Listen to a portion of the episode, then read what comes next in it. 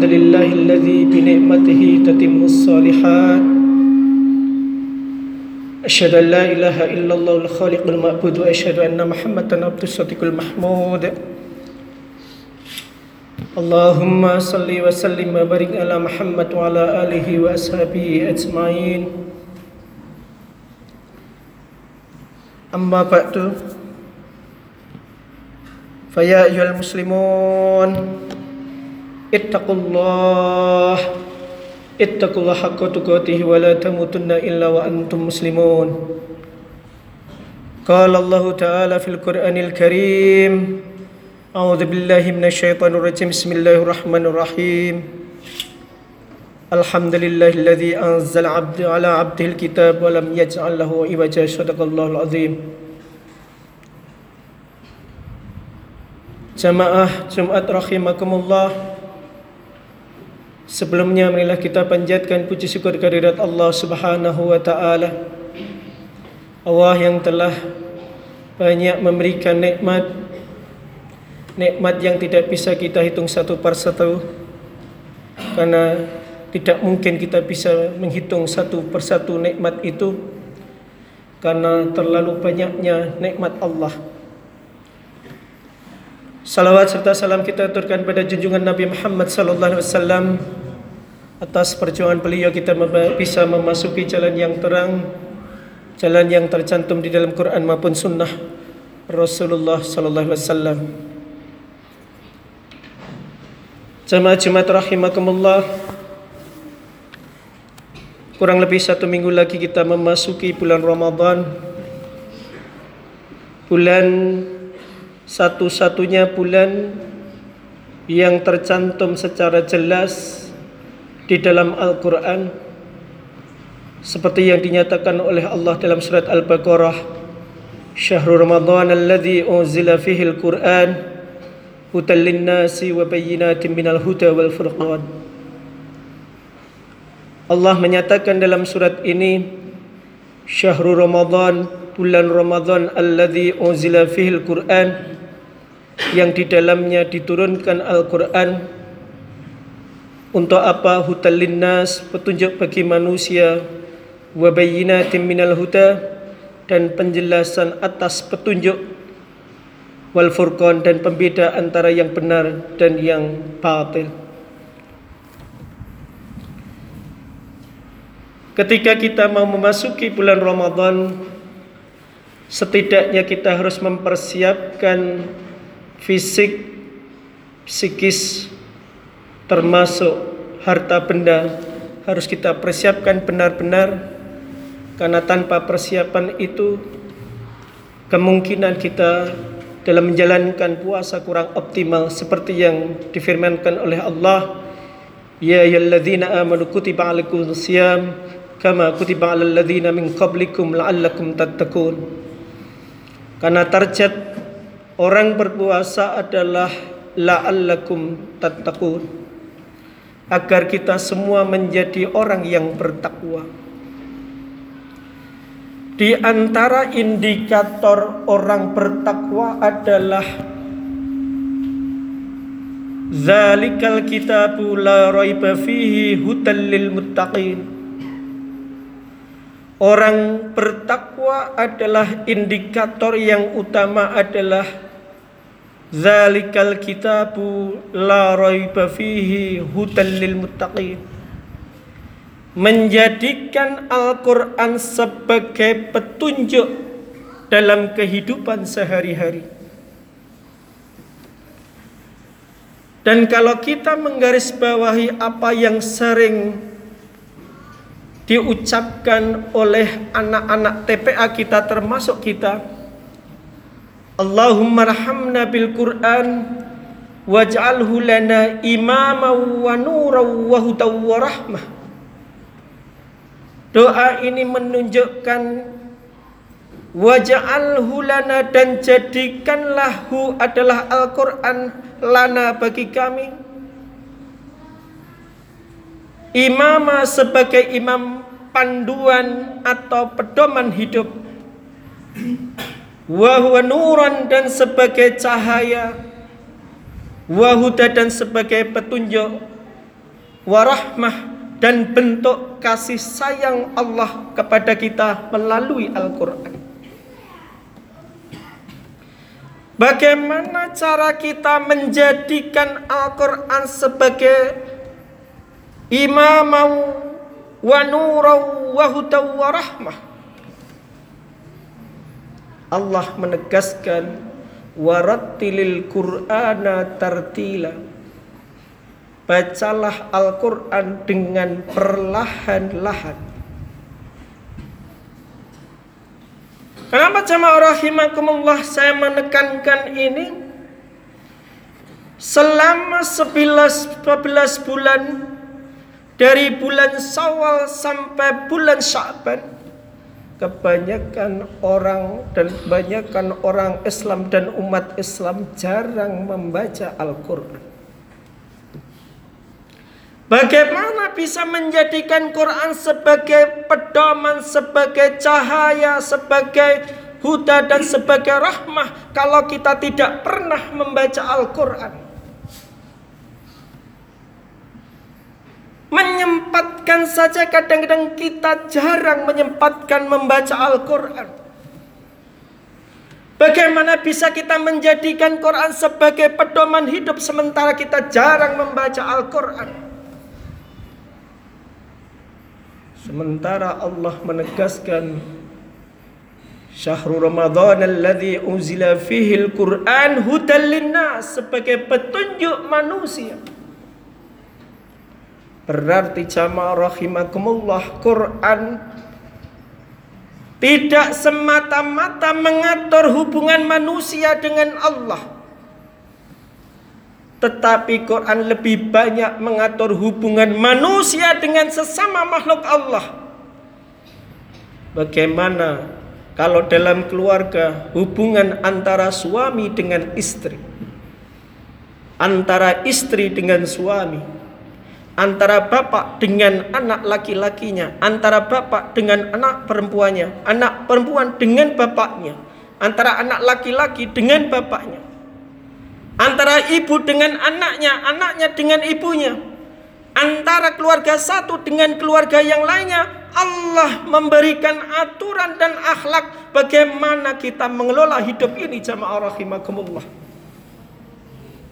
Kebanyakan umat Islam menganggap Al-Quran seperti kitab-kitab agama lain jamaah rahimakumullah.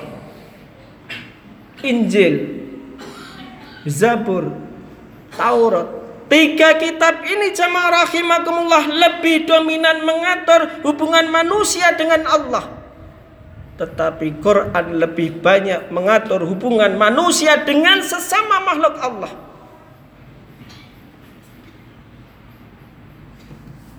Kalau kita lihat jamaah rahimakumullah dalam surat Yasin Allah menegaskan Inna nahnu nuhyil mauta wa naktubu ma qaddamu wa atharahum wa kulla syai'in asainahu fi imamin mubin. Allah menegaskan inna nahnu nuhyil mauta sesungguhnya Allah lah yang menghidupkan orang-orang yang mati. Wa naktubu dan kami yang Allah lah yang mencatat apa yang kalian lakukan. Wa asarahum dan bekas-bekas perilaku kalian semua. Wa kulla syai'in fi imamin mubin. Ini menegaskan bahwa jamaah rahimakumullah semua apa yang kita lakukan itu dicatat oleh Allah. Baik itu melakukan dosa maupun melakukan ketaatan semua dicatat Allah. Wa naktubu ma qaddamu wa asarahum. Allah akan mencatat setiap detik perilaku manusia. Tidak hanya masalah sholat jamaah rahimakumullah. Semua perilaku manusia dicatat oleh Allah. Bagaimana umat Islam berkaitan dengan tetangganya. Walaupun beda agama jamaah rahimakumullah.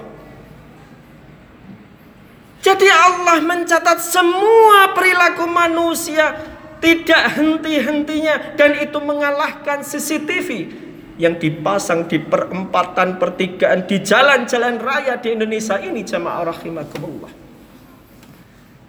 Kalau kita di jalan raya melanggar peraturan lalu lintas dicatat oleh Allah. Tidak semata-mata direkam oleh CCTV, tetapi dicatat oleh Allah. Wa naktubu ma qaddamu wa atharahum. Allah akan mencatat dan itu akan dimintai pertanggungjawaban di hadapan Allah seperti dalam surat Yasin ayat 65 al-yauma nahtimu ala afwahihim pada hari ketika kita meninggal dunia dan kita dimintai pertanggungjawaban oleh Allah Allah menegaskan wan al yauma nahtimu ala afwahihim pada hari pertanggungjawaban Allah mengatakan Nahtimu ala afwahim maka mulut mereka akan dikunci mulut kita akan dikunci oleh Allah ketika kita dimintai pertanggungjawaban oleh Allah.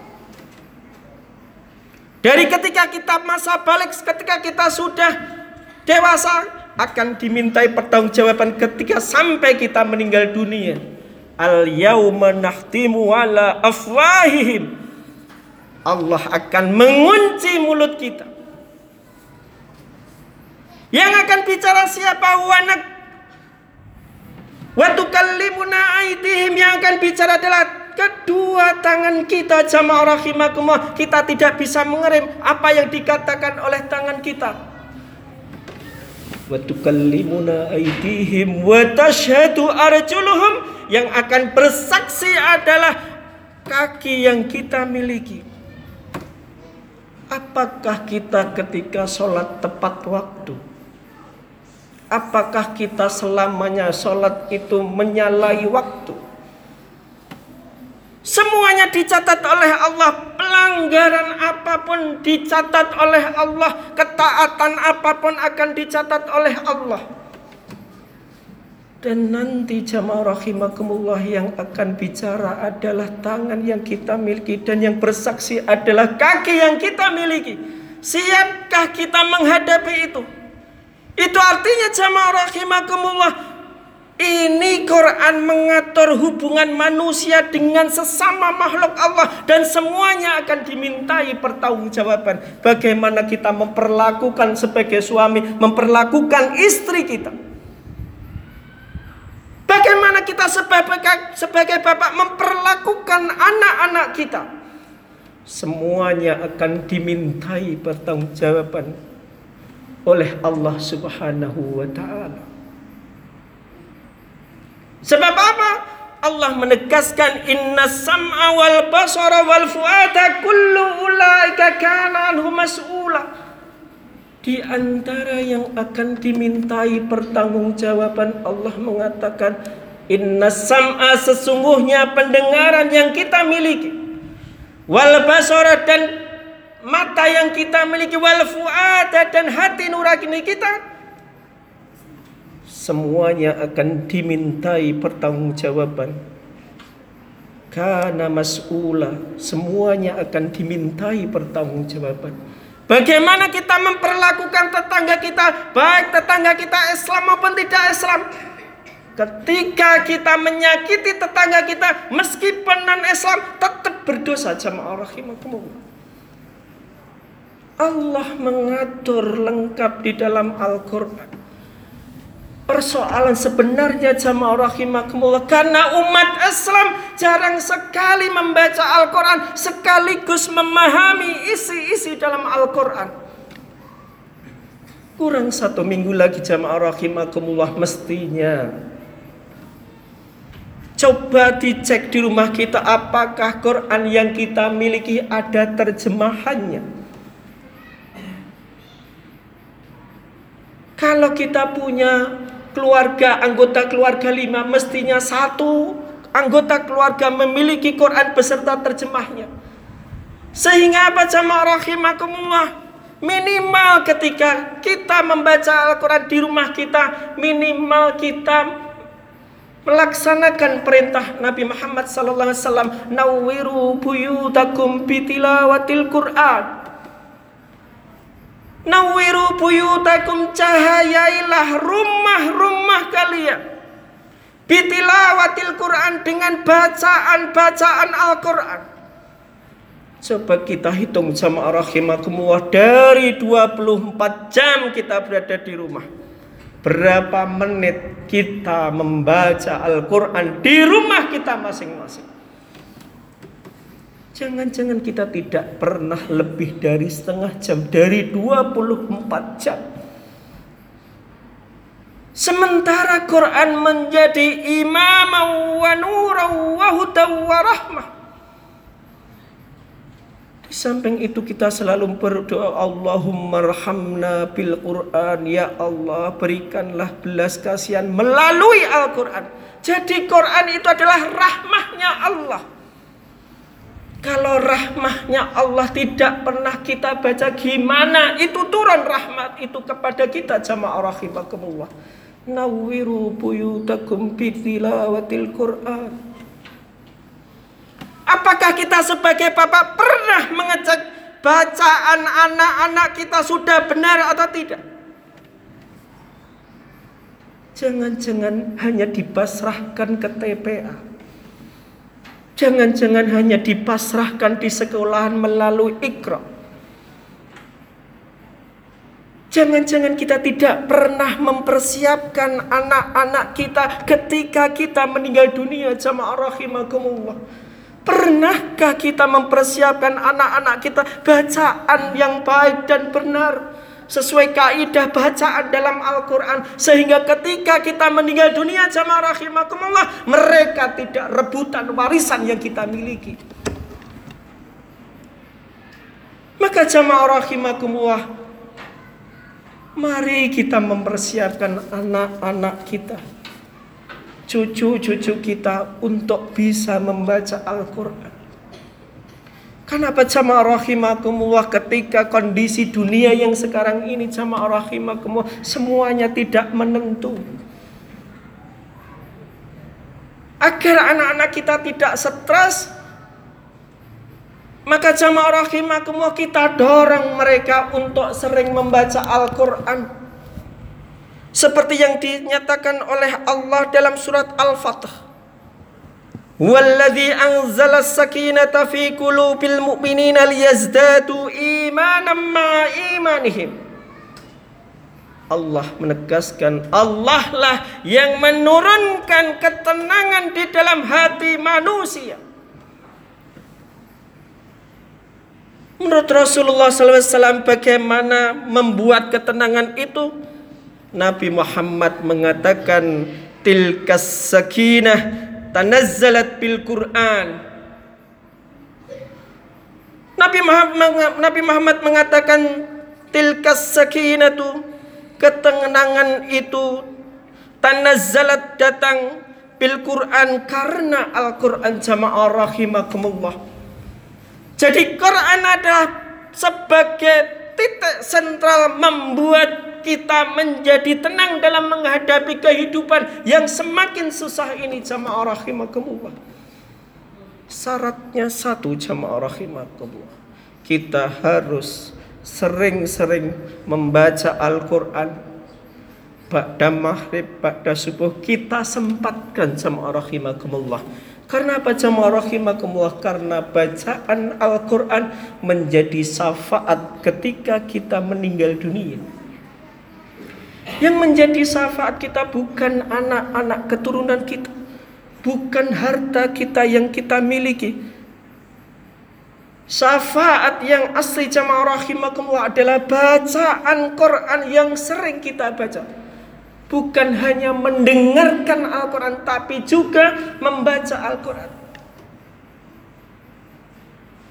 Maka jamaah rahimakumullah untuk mencapai ketenangan hidup ini maka mulailah di bulan Ramadan tanggal 1 Ramadan mulailah latihan membaca Al-Quran dari juz 1 sampai juz 30 dengan demikian sama rahimakumullah kita akan mendapatkan bahwa Quran benar-benar menjadi imam, wa nurau wa hudau wa rahmah.